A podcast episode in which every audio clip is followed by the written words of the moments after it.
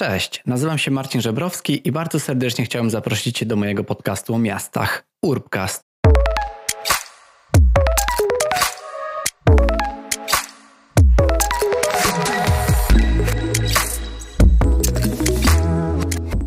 Cześć i witajcie w najnowszym odcinku Urbcastu. I jest mi niezwykle miło i smutne zarazem, że mogę to powiedzieć po raz ostatni w tym roku, bo przed Wami ostatni odcinek Urbcastu tego sezonu, drugiego sezonu Urbcastu. Sezony trwają u mnie tak jak poszczególne lata, także dobiega koniec drugiego pełnego roku, kiedy tworzę ten podcast. Jest to także koniec drugiego sezonu i z racji tego, że ten koniec roku to taki moment, w którym myślę, że większość z nas odczuwa, no, że jest ogólnie ciemniej za oknem, że jest tak trochę bardziej przygnębiająco, że mniej nam się chce, to postanowiłem kontynuować tradycję sprzed roku i jako ten ostatni odcinek zająć się czymś bardziej związanym z takim dbaniem o siebie w naszej przestrzeni, z takim self-care. Rok temu jako ostatni odcinek opublikowałem bardzo interesującą rozmowę z psycholożką Anną Cyklińską, prowadzącą profil edukacyjny na temat właśnie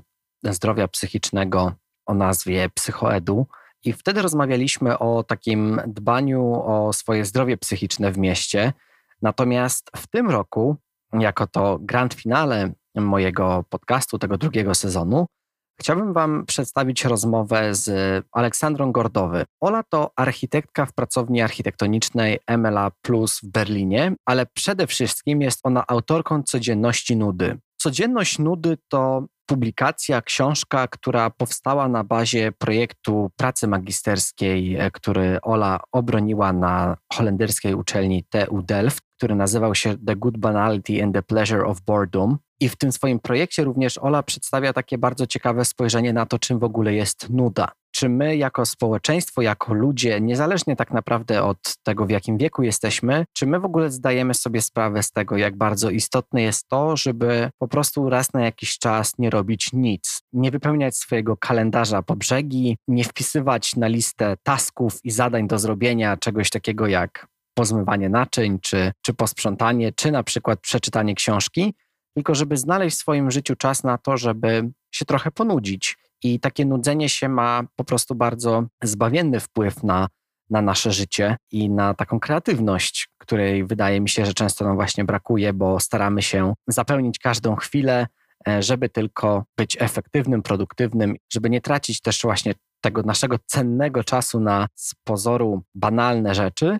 Natomiast z drugiej strony często, no niestety trwonimy tak, nasz czas na na przykład przeglądanie Instagrama, a zapytani o to, co robimy, odpowiadamy, że a nic, po prostu się nudzę. I o nie taką nudę nam do końca tutaj chodzi. Chodzi nam o taką nudę, która pozwala nam troszeczkę odpocząć, która pozwala nam na to, żeby zebrać swoje myśli, żeby zobaczyć trochę tak nieświadomie po prostu, co z tej nudy może się ciekawego wydostać.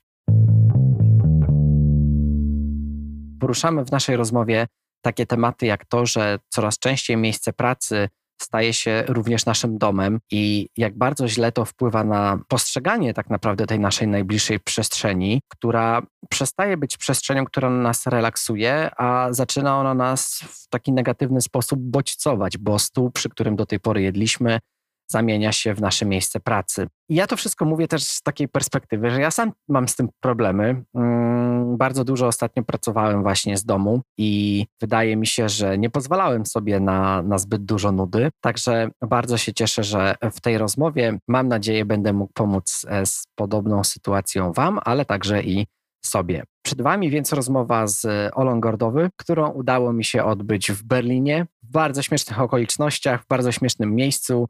Udało nam się znaleźć miejsce do porozmawiania w takiej wnęce w pewnej kawiarni w Berlinie, ale najważniejsze, że się udało i myślę, że Ola podzieliła się naprawdę świetnymi spostrzeżeniami dotyczącymi właśnie jej książki, jej pracy i dlatego na tą rozmowę chciałbym Was serdecznie zaprosić.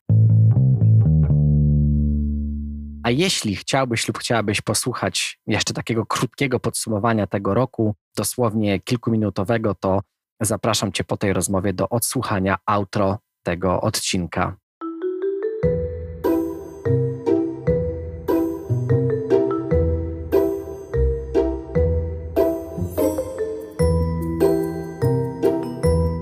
Cześć Ola. Cześć. Dziękuję bardzo, że się tutaj udało nam w ogóle spotkać w Berlinie, u Ciebie w mieście, w którym na co dzień urzędujesz, w którym na co dzień projektujesz. Chociaż dzisiaj chyba będziemy troszeczkę więcej mówić o Łodzi niż o Berlinie. Będziemy rozmawiać o Twoim projekcie, będziemy rozmawiać o nudzie, natomiast ciężko nam się w tym momencie nudzić, ponieważ mamy tutaj wiele bodźców, nagrywamy tą rozmowę w kawiarni. Mam nadzieję, że nie będzie to przeszkadzało w jakości tej rozmowy. Natomiast Ola, jakbyś mogła tak, takim krótkim słowem wstępu też powiedzieć coś o sobie, bo będziemy dzisiaj rozmawiać o Twoim projekcie, ale ten projekt to jest coś, co tak naprawdę stworzyłaś już jakiś czas temu. A czym zajmujesz się w ogóle obecnie? Dziękuję Ci za słowo wstępu. Ja również się bardzo cieszę na nasze spotkanie. I mimo, że to będzie bardziej o Łodzi, ale może też trochę o Berlinie, bo to jest obecnie miejsce, w którym myślę i tworzę i projektuję. Głównie w tej chwili zajmuję się architekturą mieszkaniową, ale również miastem i projektowaniem w mieście, głównie w kontekście miejskim to mnie najbardziej też fascynuje, również urbanistyką po części. Ta urbanistyka jest Ci bliska, natomiast w swoim projekcie magisterskim, od którego tak naprawdę pojawił się cały ten pomysł codzienności nudy, czyli Twojej książki, o której dzisiaj rozmawiamy, skupiłaś się tam bardziej na przestrzeni mieszkalnej, prawda? Na samym mieszkaniu, na kamienicy, więc skąd teraz to takie podejście do szerszego spektrum, e, czyli do, do samej urbanistyki? To znaczy ja widzę to w ten sposób, że miasto bezpośrednio odżywia ten projekt. Jest jakby jego, jest gąbką, na której ten projekt wyrósł i jakby z którego czerpie i którym się żywi. I miasto jest no, niczym innym jak kontekstem nudy, o której ja w tym projekcie mówię i w kontekście której projektuję. Więc jak najbardziej to wszystko się przenika i tak też o tym myślę. I to Łódź jako miasto po części też ten projekt inspiruje.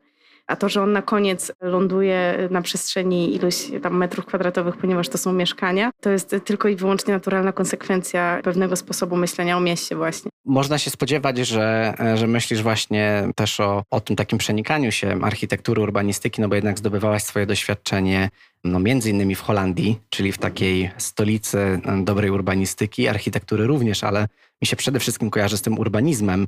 No i właśnie przede wszystkim Twoja książka bazuje na Twoim projekcie magisterskim. The Good Banality and the Pleasure of Boredom. I to jest projekt, który właśnie zrobiłaś na uczelni w Holandii. Skąd w ogóle wzięła się ta inspiracja do tego, żeby poruszyć te, taki temat w projektowaniu jak nuda?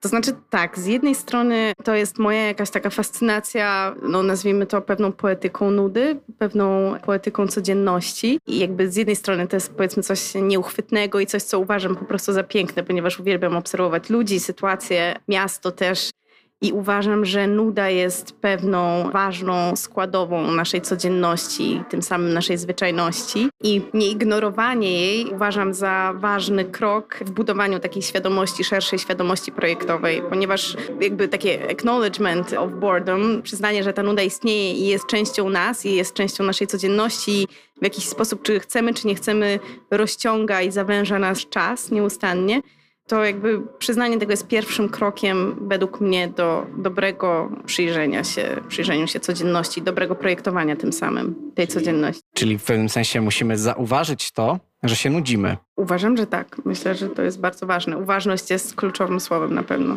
Właśnie w swojej książce no, piszesz o tym, że ciężko nam w dzisiejszych czasach, takich zbombardowanych m, mm, wszystkimi powiadomieniami, tym całym hałasem, harmidrem, który się dzieje zarówno w naszych mieszkaniach przez pandemię, jak i w naszych miastach, przez różne rzeczy, tak, przez a to korki na drogach, no różne multum jakby rzeczy, które się w takiej tkance miejskiej dzieje. Natomiast ważne jest to, żeby tą nudę zaobserwować i żeby sprawić, żeby ona w, jakiś sposób działała na naszą korzyść. Tak, myślę, że tak. Myślę, że to jest takie zaakceptowanie jej obecności. To jest zaakceptowanie tego, że stan nudy niekoniecznie jest stanem złym, czyli stan nieprodukowania, stan pewnego rodzaju stagnacji, też smutku bardzo często niekoniecznie jest złem samym w sobie, czyli nie wypieranie wszystkiego, co nie jest w jakiś tam sposób rozumianym progresem, performancem, dobrym nastrojem, świetnym humorem. Nuda jest w pewnym sensie takim zjawiskiem, które rozciąga czas, jest miejscem na refleksję, no ale też pewnym takim egzystencjalnym doświadczeniem, którym oczywiście jak najbardziej potrafi być ciężkim doświadczeniem. To jest jakby taka nieznośna ciężkość bytu w tym przypadku, nie lekkość, jak u Kundery. Ja też specjalnie chciałem, żeby ten nasz odcinek był takim ostatnim odcinkiem w tym sezonie podcastu, który właśnie ma miejsce na koniec roku, w grudniu, w miesiącu, który jest bardzo ciemny, przygnębiający, dni są bardzo krótkie. No i wydaje mi się, że fajnie byłoby dać trochę takiego mm, pokrzepienia słuchającym ten podcast, Ale zanim to, chciałem też wrócić do takiego umiejscowienia tego też twojego projektu, twojej książki, bo rozmawiasz dużo o tym, czym jest dla nas miejsce pracy i że w ostatnich e, latach, w ostatnim czasie no niestety musimy postawić ten znak równości, że miejsce pracy to nasz dom. I tutaj wypisałem sobie, że taki cytat, że w domową intymność i strefę relaksu ukryta pod pozorem wygody wkracza praca. Jak wspominasz, jeszcze przed pandemią zaczęliśmy w ogóle wpuszczać tą pracę do wnętrz swoich domów przez różne właśnie prace zdalne i wpuszczać tą pracę do swojego prywatnego życia. Jak w ogóle wpływa na nas ten brak takiej separacji między tym, co robimy w pracy, a tym, co robimy w domu? Znaczy, myślę, że generalnie ta separacja jest potrzebna i to, żeby nazwać, e, przede wszystkim nazwać pracę pracą i nazwać nic nie robienie nic nie robieniem, albo odpoczynkiem, albo relaksem, zależnie co kto przez to rozumie, jest bardzo ważne dla, pewnego, dla pewnej higieny psychicznej i również z tego względu, że wyrabiamy pewne nawyki, uczymy się również przez, no, przez osmozę, można powiedzieć, przez to, nasze neurony się uczą, nasze neurony zapamiętują i kojarzą pewne miejsca z jakimś stresem albo odwrotnie z relaksem i, i, totalnym odpuszczeniem. Jeżeli my tym zmysłom i nerwom i neuronom fundujemy taki koktajl Mołotowa w postaci ciągłej zamiany tych miejsc albo mieszania ich, to nasze ciało podświadomie nie jest w stanie się wyłączyć, tylko jest w ciągłej gotowości, bo nie wie, kiedy za chwilę będzie musiało działać. Więc wydaje mi się, że mimo iż jest popularne i to tak naprawdę nie od czasów pandemii, mieszanie tych środowisk i na koniec każdy powinien zrobić tak, jak jest dla niego najwygodniej. Na przykład Truman Capote pisał zawsze ze swojego łóżka, no i nie tylko on. Mnóstwo artystów i pisarzy tworzyło w takich hybrydowych, można powiedzieć, przestrzeniach i to też sprzyja oczywiście kreatywności. Niektórzy to lubią. Sama czasem też to oczywiście e, robię. Zmierzam do tego, żeby jednak nasza przestrzeń w jakiś sposób wrażliwy odpowiadała na potrzeby naszego ciała, a nie była odzwierciedleniem ignorowania tych potrzeb, ponieważ we współczesnym świecie jest pewna tendencja, według mnie, do ignorowania potrzeb ciała. Najprostszym tego odzwierciedleniem jest tabletka przeciwbólowa, niesłyszenia potrzeb ciała, a nuda to jest dokładnie w ten moment, w którym wydaje mi się, doświadczamy fizyczności naszego bytu bardziej niż kiedy staramy się unikać tych momentów spowolnienia. Ja myślę, że to jest trudne tak się wyciszyć, tak wszystko to sobie rozdzielić, rozseparować i znaleźć takie przedziały czasowe, w których pozwolilibyśmy sobie na to, żeby po prostu nic nie robić. I też jakby w ostatniej części twojej książki jest taka część, w której wypowiada się mm, Agata Twardoch i ona pisze o tym, że właśnie czasem no, ciężko jest tą nudę, tą taką refleksję osiągnąć, ponieważ jest się zamkniętym w jednym mieszkaniu z gromadką dzieci, e, bardzo dużo się dzieje, są krzyki, hałasy. I tutaj chciałem się ciebie zapytać, jak twoim zdaniem właśnie możemy zacząć traktować ten dom jako przestrzeń takiego niezakłóconego wypoczynku, regeneracji czy tej zasłużonej nudy, skoro często no, jest tyle wyzwań, które nam w tym przeszkadza. Jak najbardziej. E, jakby w ogóle wydaje mi się, że dom to jest taki plac budowy pod e, wieloma względami, a, ale jeszcze zanim o tym, jak możemy to osiągnąć, to wydaje mi się, że to, co jest jeszcze warte wspomnienia, to jest to, co też Bala Architektek kiedyś w jednym ze swoich projektów zgłoszeń na Futuwawę wspomina, to jest to, że praca jako zjawisko, praca w domu funkcjonuje nie tylko od czasu pojawienia się takiego zjawiska jak home office, czy od czasów pandemii, ale o wiele, o wiele wcześniej, bo jeżeli myśleć o pracy reproduktywnej, o wychowywaniu dzieci, o sprzątaniu, o wszystkich czynnościach z tym związanych, to jest to zjawisko, które pojawiło się już o wiele wcześniej. I co jest interesujące, to również przez soczewkę nudy w pewnych okresach i sztuki i rozwoju feminizmu było naświetlane jako problem, ponieważ mówiło się o nudzie, mówiły głównie feministki i feminiści, mówili o nudzie kobiet wykonujących pracę reproduktywną, w tym przypadku kobiet, ponieważ wciąż jest to dosyć duża dysproporcja i będących tą pracą dogłębnie znudzonych w środowisku właśnie domowym, w środowisku w sytuacjach, dla których scenerią i scenografią było nic innego jak właśnie dom. I ja też wspominam o tym e, w książce dosyć krótko. Jedną z jakichś takich inspiracji na pewno były dla mnie filmy Chantal Ackerman, to jest e, reżyserka, która tego typu problemy już w latach 60., 70. naświetlała e, w swoich filmach, na przykład pokazując na filmie swoją matkę krzątającą się po domu. W wielu minutach tego filmu na pewno możemy się nudzić, ale jest to naświetlanie zjawiska, które było tak naprawdę istotnym i jest nadal społecznym problemem, odzwierciedla pewną kondycję społeczeństwa i pewien stan rzeczy. I to właśnie nuda w sztuce i nie tylko w sztuce stała się tym medium, tą pewną soczewką, żeby te skądinąd bardzo ważne problemy naświetlić. Chciałabym zaznaczyć, że nuda nie jest powiedzmy tylko i wyłącznie jakimś idylicznym zjawiskiem. Myślę, że o tej nudzie możemy mówić na wiele sposobów i wyróżniać jej wiele rodzajów i wiele sytuacji, w których ona jest absolutnym bólem i cierpieniem, a w których może być czymś pożądanym. Więc wydaje mi się, że to jest bardzo ważne mówić o tym też w tym kontekście, że nie, jednak nie mówimy o czymś wyłącznie idylicznym i beztroskim, ale mówimy też o czymś, co ma na przykład jest bardzo poważną konsekwencją różnych społecznych dynamik i ekonomicznej sytuacji również. I tak samo ja też patrzyłam na nudę w kontekście Łodzi, ale to może o tym zaraz.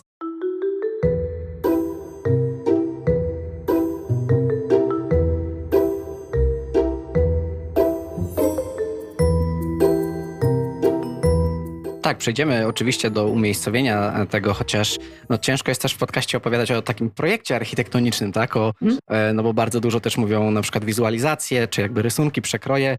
Natomiast wracając jeszcze do tego tematu takiej pracy reprodukcyjnej, pracy w domu, no to oczywiście ogólnie ludzie w epoce industrialnej no, nie mieli za dużo czasu na tak zwane nic nie robienie, a szczególnie dotyczy się to właśnie kobiet, które często pracowały na dwa czy trzy etaty, tak? Tak, jak najbardziej. Tak. Czyli ta, ta praca, takie dbanie, prowadzenie domu, no to był, był jakby drugi zawód, za który tak naprawdę no, nie dostawały, no nie mówię nawet, że pieniędzy, ale jakiegoś takiego chyba uznania. Tego czasu na nic nie robienie nie było zbyt dużo. Tak, dlatego myślę, że w tym kontekście mówimy o innej nudzie. Mówimy o, o nudzie bycia nieusłyszanym, o, o nudzie powtarzalności pewnych czynności domowych, o nudzie robienia w ukryciu tego, co, co tak naprawdę nie powinno być robione w ukryciu, ponieważ powinno być uznane przez wszystkich i rozpoznane jako praca. Właśnie dlatego zachęcam też do, do sprawdzenia tego projektu proponowanego przez Bal Architektek, w którym e, dziewczyny krótko nawiązują poprzez proces odwrotny, czyli wyjęcie przestrzeni domowych do przestrzeni publicznej.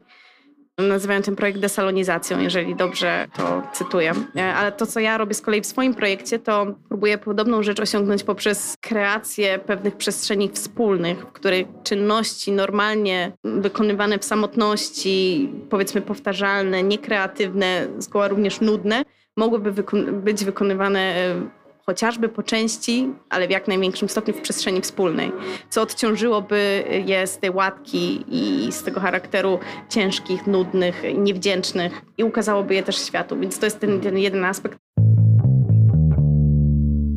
Drugi aspekt to jest ta nuda, powiedzmy, na którą się świadomie zgadzamy, która jest naszym wyborem, która jest decyzją na spotkanie się w danym momencie ze sobą samym albo z, z tym, co może nam przynieść nasza głowa, albo co powie nam w tym momencie nasze ciało. I to jest coś zupełnie innego. To jest pewien wybór i to jest pewien wybór, żeby nie, nie bodźcować się powiedzmy bez końca, tylko i wyłącznie, żeby nie uciekać od ciszy i od tego, co może przynieść taki rozciągnięty czas, taka ta powiedzmy to bycie w samej w sobie esencji, tylko zgoda na to, żeby pewne rzeczy usłyszeć, pewne myśli dopuścić. Czyli też nie chodzi o taką nudę, znaczy właśnie o taką nudę, którą chcemy zabić, tak? Czyli Mamy kogoś, kto na przykład e, przez godzinę przegląda Instagram, no i na pytanie, co robi, a nic, nudzę się. Wydaje mi się, że, że ludzie, którzy, znaczy w ogóle my wszyscy, to nie mówimy o innych ludziach, tylko wydaje mi się, że mówimy o nas i o naszym pokoleniu i, i nie tylko.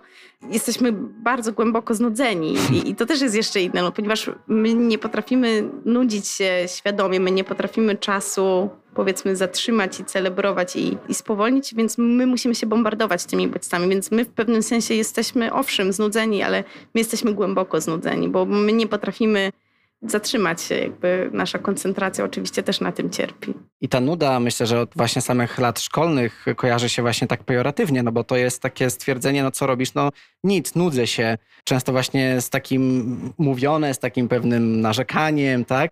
A bardzo mi pomogła właśnie też ta twoja książka spojrzeć na to, że nuda to jest w pewnym sensie droga do pewnej kreatywności.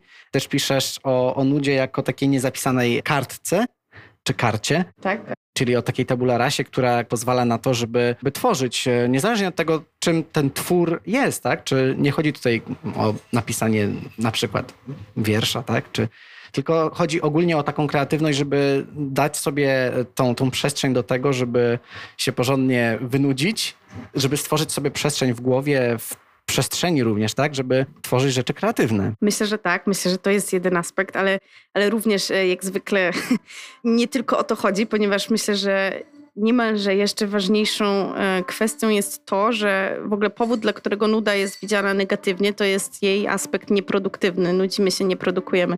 Jesteśmy społeczeństwem, które z pracą, produktywnością i sukcesami łączy swoją wartość.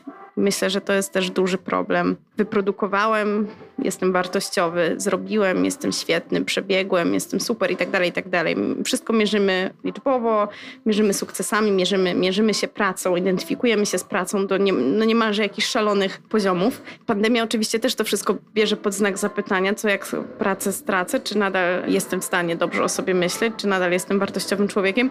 Z jednej strony to są banalne i oczywiste pytania, z drugiej strony myślę, że jest to faktyczny problem, czyli identyfikacja z produktywnością jako z własną wartością.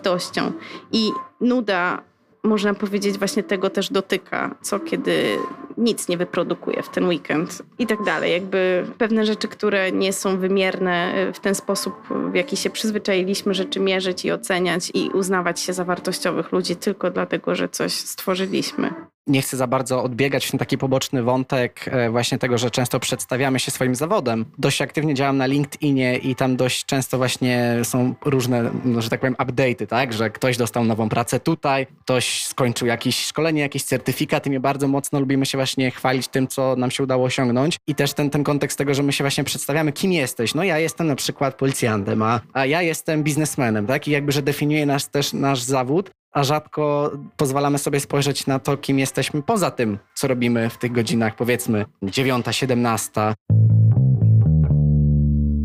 Czemu ważne jest to właśnie, żebyśmy w ogóle pozwolili sobie na tą nudę, na takie trochę zdystansowanie się do tego wszystkiego, co robimy w ogóle? Bo mówiliśmy o tej kreatywności, że to jest na pewno jedna rzecz, że ta nuda, takie podejście pozwala nam na to, żeby stworzyć sobie troszeczkę więcej takiej przestrzeni. Ale czy nuda to na przykład może być odpoczynek? Bezpośrednio. Czy nuda ma właśnie jeszcze jakieś takie inne funkcje, które sprawiają, że jakby nudząc się możemy poprawić na przykład, nie wiem, swój stan psychiczny czy stan zdrowia? Myślę, że tak. Myślę, że możemy o nudzie myśleć jako o, o medium y, samodoskonalenia, aczkolwiek wydaje mi się, że koniec końców pewnie nie, nie o to chodzi, trochę jak w jodze. Powiedzmy, ideą jogi jest to, żeby robić ją y, nie dlatego, żeby być lepszym człowiekiem za tydzień, za dwa miesiące czy za rok, tylko żeby pewne doświadczenia przepłynęły, uczucia i energie przepłynęły przez nasze ciało w danym momencie i żebyśmy to jest, no powiedzmy, trening uważności. Też e, w ten sposób widzę trochę nudę jako pewien trening uważności.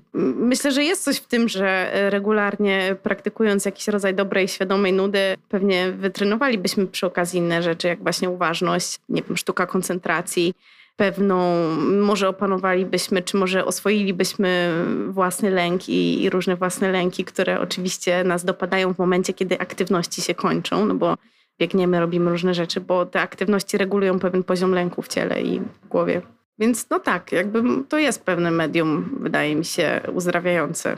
Ja pytam o to dlatego, że właśnie tak jak wspominałem wcześniej, chciałbym, żeby też, e, żeby przedstawić jakąś tą nudę i jej walory, tak? Żeby słuchaczki, słuchacze mogli też zrozumieć, że to, że nic sobie nie zaplanują danego wieczora i pozwolą sobie na jakiś taki spokojniejszy czas samemu ze sobą, to to daje bardzo dużo korzyści, a nawet jeśli nie da stricte namacalnych korzyści od razu, bo oczywiście my chcemy wszystko ad hocowo, żeby wszystko dawało od razu efekty, tak? Tak jak wspominaliśmy już o, o różnych LinkedInach i tak dalej, Natomiast, że to ma wartość samą w sobie. Myślę, że tak. No myślę, że w historii sztuki i historii generalnie y, nuda często była też używana jako powiedzmy taki akt oporu. Czy na przykład jak myślimy o Johnie Lennonie, kiedy siedział w swoim łóżku podczas wojny i się fotografował, no to było jedno z nich. Może to nie zostało wtedy nazwane nudą, ale chodzi o bezczynność w obliczu nadmiernej, wręcz chorobliwej czynności świata. Więc można to też y, tak widzieć, to myślę, że bym to dodała. Czyli takiej taskowości, wszystko musi być tak, taskiem. Tak zapisałem sobie na liście, że dzisiaj pozmywam naczynia i jak tak. mi się uda, to odhaczam. Tak, ja uwielbiam niezaplanowane weekendy. Jestem wręcz uzależniona od tego, niestety. Ja, ja, sam muszę nad tym pracować, więc cieszę się, że rozmawiamy i myślę, że to jest też na pewno aspekt, który ja chcę rozwinąć u siebie.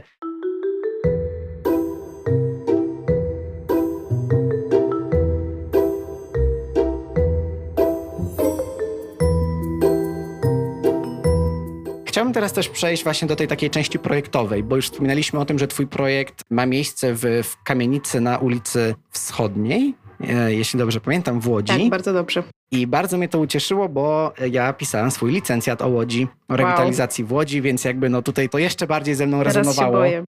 Jeszcze bardziej do mnie, do mnie przemawiało. Postaram się ciebie nie przyłapywać na tej wiedzy, natomiast zacznę od tego, że ze mną zarezonowało to, że napisałeś, że my częściej projektujemy przeciwko nudzie niż dla nudy. Tak. I stwierdziłem sobie, że z takich moich doświadczeń projektowych rzeczywiście tak jest, że my nawet projektując jakiś taki wspólny ogród sąsiedzki, taki community garden, tak, to jest bardzo popularne w Skandynawii, czyli projektujemy taki fellesskap, czyli tak, taką wspólnotę. I pamiętam, że właśnie no, my tam chcieliśmy zaprojektować wszystko do ostatniej kreski, tak, że to ma być tak, że oni mają się spotykać tutaj, będą takie rośliny, takie aktywności i że my chcemy zaprojektować tak, żeby nikt nie mógł nam zarzucić tego, że na przykład ten program jest niedopracowany, tak, że czegoś tam może brakuje. Zastanawiam się, nie wiem, czy masz jakieś przemyślenia na ten temat, dlaczego my, może właśnie jako tacy projektanci, nie wiem, architekci też, tak często chcemy tą nudę przeprojektować. Mam różne przemyślenia, tak? Myślę, że to, o czym mówisz, em, brzmi znajomo nie tylko dla mnie i że to jest dokładnie właśnie sedno problemu albo jedna z jego części, żeby dawać użytkownikom, powiedzmy, też prawo głosu. Nie mówię teraz akurat o, o partycypacji, tylko mówię o pewnej nieskończoności projektów, o pewnej ich otwartości, o tym, że, że użytkownik jak najbardziej może w ten projekt wejść i również, y, tak jak ty powiedziałeś, z nim rezonować w jakiś sposób. Ja też to próbowałam zrobić w moim projekcie. Ruchome ściany, różna interpretacja mebli i przestrzeni domowych poprzez to, że użytkownik wchodzi z nimi pewną interakcję i, i sam widzi, jak na przykład stół w tym przypadku, który stoi po prostu na środku pomieszczenia, jak można powiedzieć samoistnie staje się przestrzenią spotkania wielu osób, a stół postawiony przy ścianie jest już pewną niszą do skupienia się, skoncentrowania i być może pracy. Ja starałam się w moim projekcie wykreować takie sytuacje i takie momenty, w których użytkownik jak najbardziej będzie mógł do tych różnych wniosków i relacji i pewnego romansu z przestrzenią dochodzić. Więc jakby myślę, że i tak samo też o mieście myślę, że, że pewne przestrzenie nieskończone, pewne przestrzenie puste, to jest dokładnie to, czego społeczeństwo potrzebuje, żeby eksperymentować i żeby dojrzewać jako społeczeństwo demokratyczne, żeby się ścierać, żeby dyskutować, żeby się nie zgadzać, żeby tworzyć w tych przestrzeniach coś, co temu społeczeństwu służy, a często społeczeństwo wie to o wiele lepiej niż my, tak zwani projektanci i projektantki.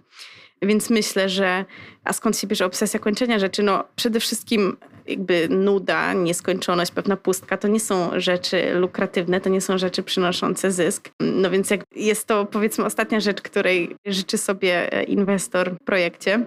Więc myślę, że to jest pierwsza rzecz, dla której nie projektujemy dla nudy. Innym przykładem według mnie są na przykład place zabaw, które służą zabawie.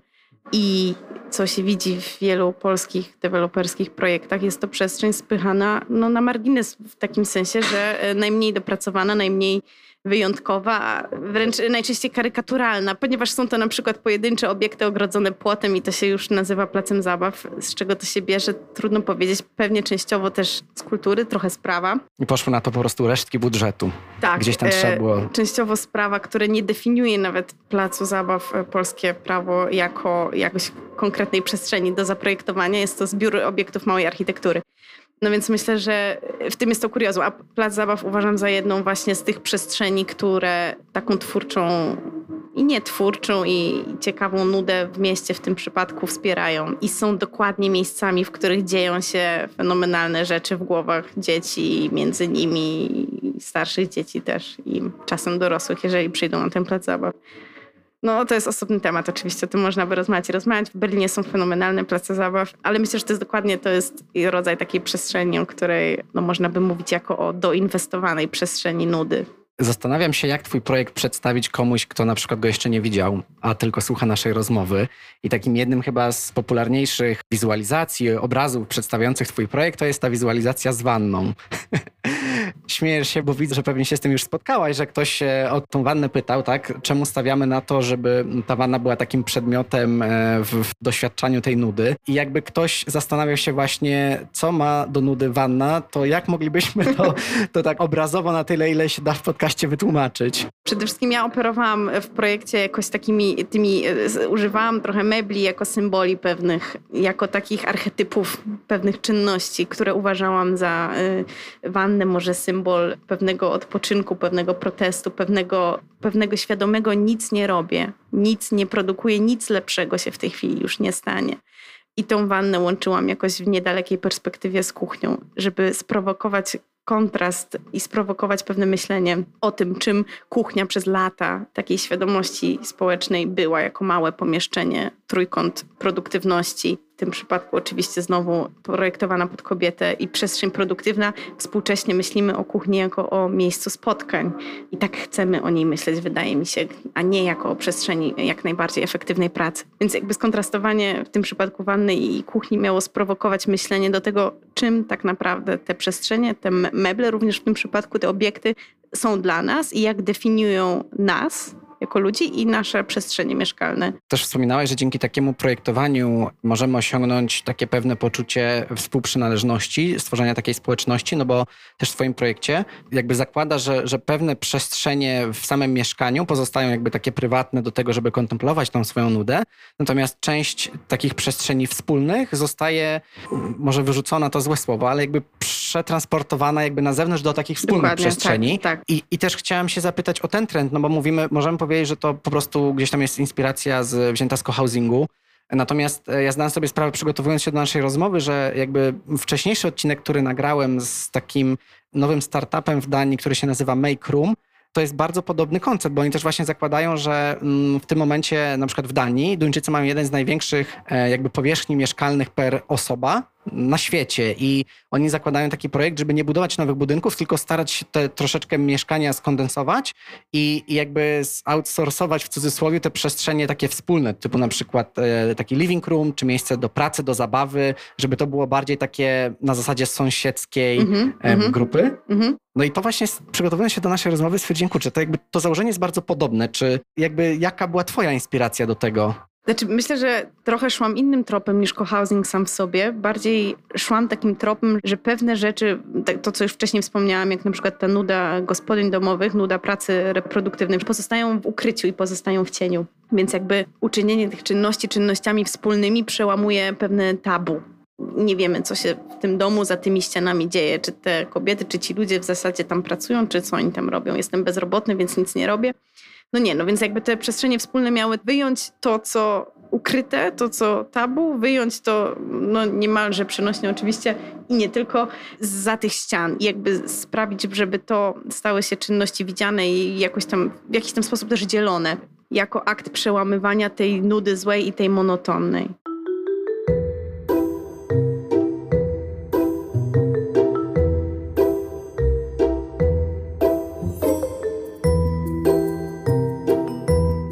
Umiejscawiając to w tej przestrzeni e, Łodzi, łódzkiej przestrzeni na ulicy Wschodniej, co było efektem? Bo jakby w ogóle skąd pojawił się pomysł tego, żeby wybrać akurat to miejsce, tę kamienicę? No więc przede wszystkim to jest jakaś taka fascynacja łodzią. E, Widzę ją, czy widziałam ją jeszcze wtedy bardziej powiedzmy naiwnie, ale jako takie miasto, które jest pewnym skrótem współczesności, które miasto postindustrialne, które w bardzo szybkim i dynamicznym okresie przeszło niemalże wszystkie fazy.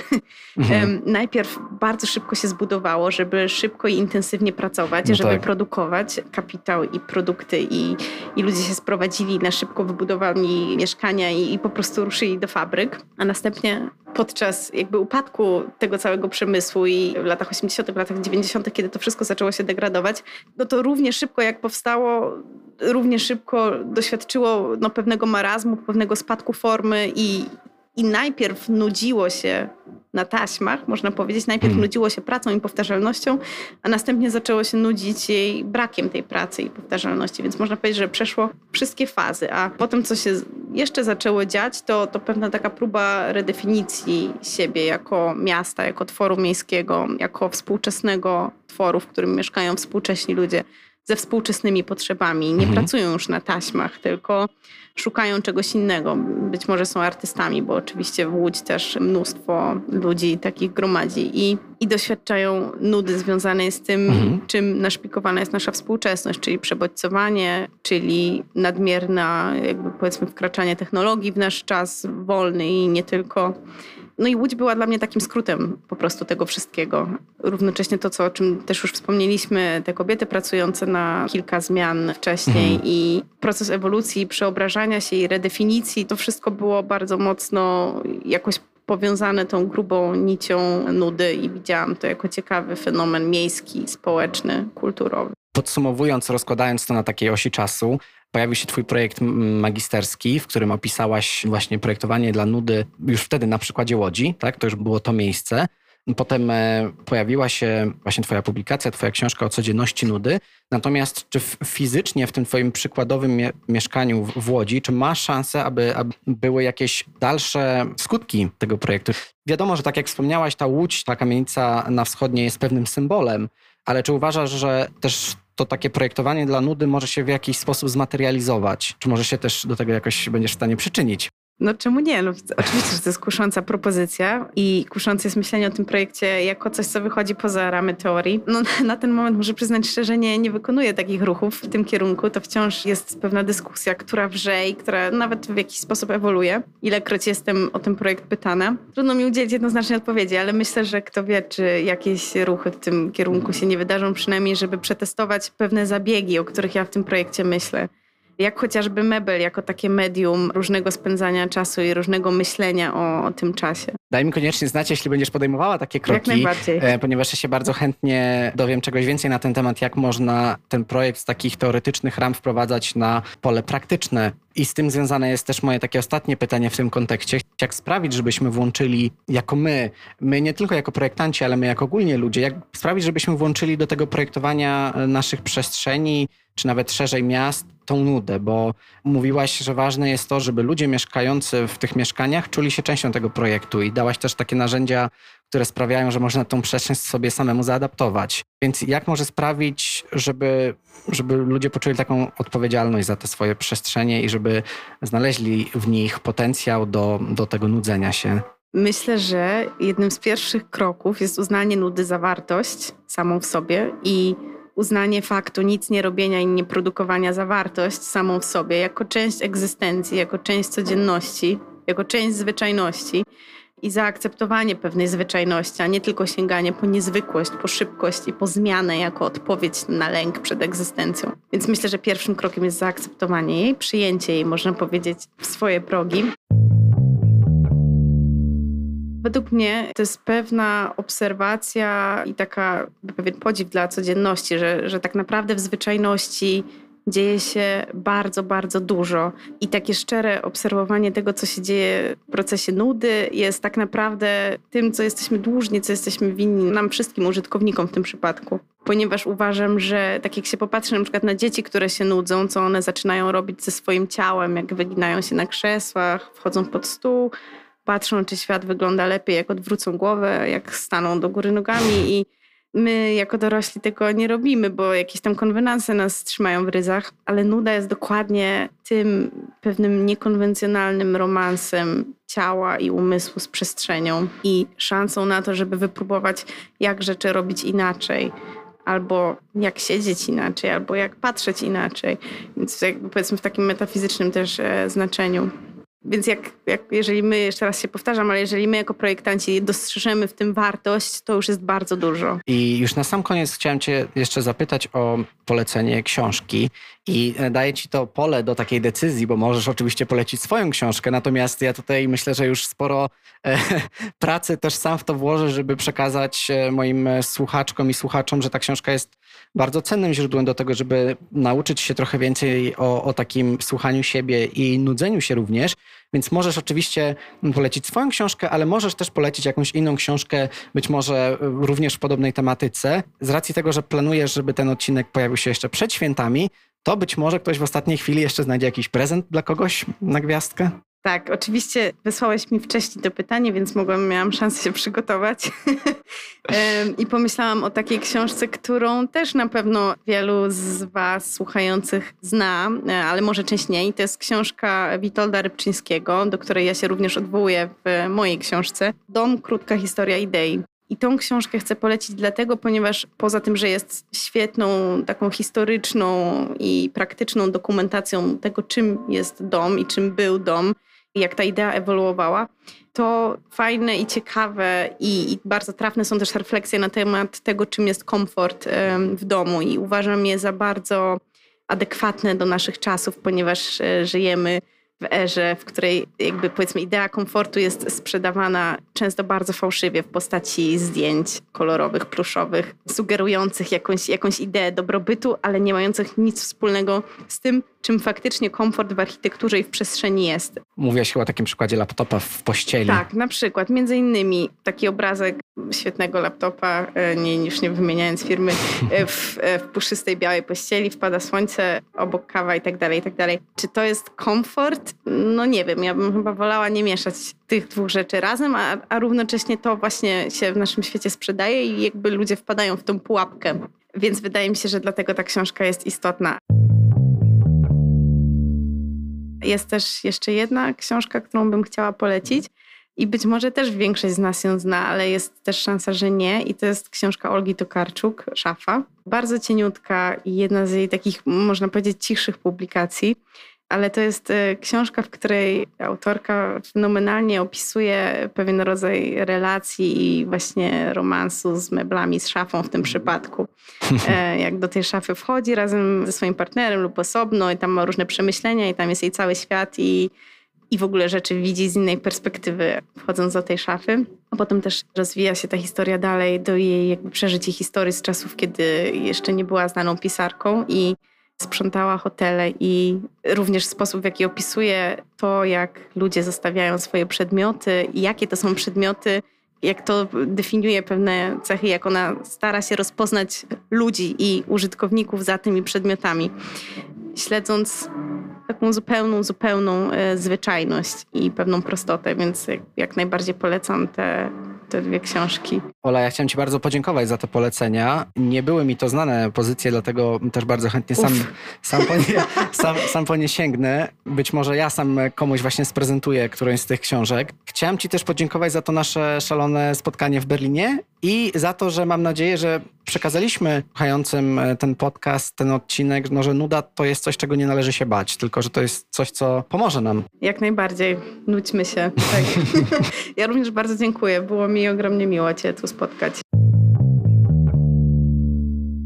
I dziękuję też e, za takie wspólne podsumowanie tego drugiego sezonu mojego podcastu, bo taki był mój cel, żeby tak to właśnie fajnie podsumować w taki refleksyjny trochę bardziej sposób, ale też w taki nawiązujący do tego, żeby po prostu o siebie, szczególnie w tych ostatnich tygodniach roku dbać. Tak, super. To jest myślę świetne przesłanie dla nas obojga i dla wszystkich, myślę, którzy słuchają teraz nas. Dziękuję. Dziękuję Ci bardzo.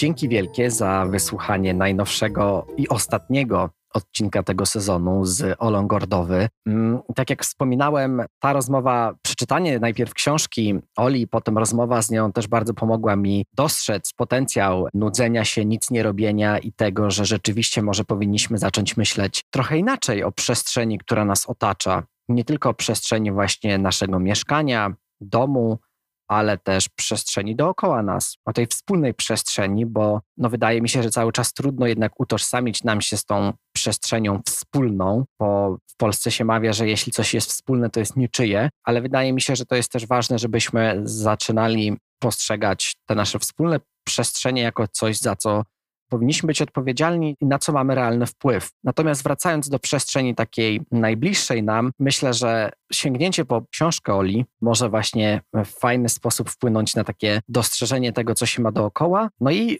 dostrzeżenie też potencjału w tej naszej przestrzeni już teraz domowej, czy mieszkaniowej, żeby móc tą przestrzeń aranżować pod swoje potrzeby i próbować jednak jakoś tą przestrzenią zarządzać, projektować ją, tak żeby jak najlepiej odpowiadała naszym potrzebom, no i żeby dzięki tej przestrzeni móc jakoś odseparować różne rzeczy, które robimy, tak żeby każda część naszego mm, miejsca życia miała jakieś odpowiednie funkcje, tak żeby to nie było wszystko jednym miksem, który po prostu nas męczy, tylko żeby ta przestrzeń sprzyjała też takiemu spokojowi, relaksowi, nic nie robieniu i nudzeniu się, bo jak e, dzięki Oli wiemy, takie właśnie nic nie robienie bardzo sprzyja nam samym, żeby się lepiej poznać, ale też, żeby właśnie pobudzić taką naszą kreatywność do działania, bo kto wie, może dzięki właśnie takiemu nic nie robieniu wpadniemy na jakiś świetny, przełomowy pomysł, który potem odmieni nasze życie. Tego sobie i Wam życzę. Natomiast przechodząc do takiego już bardzo krótkiego podsumowania na koniec tego roku, ten odcinek, który właśnie się ukazał, jest odcinkiem 76.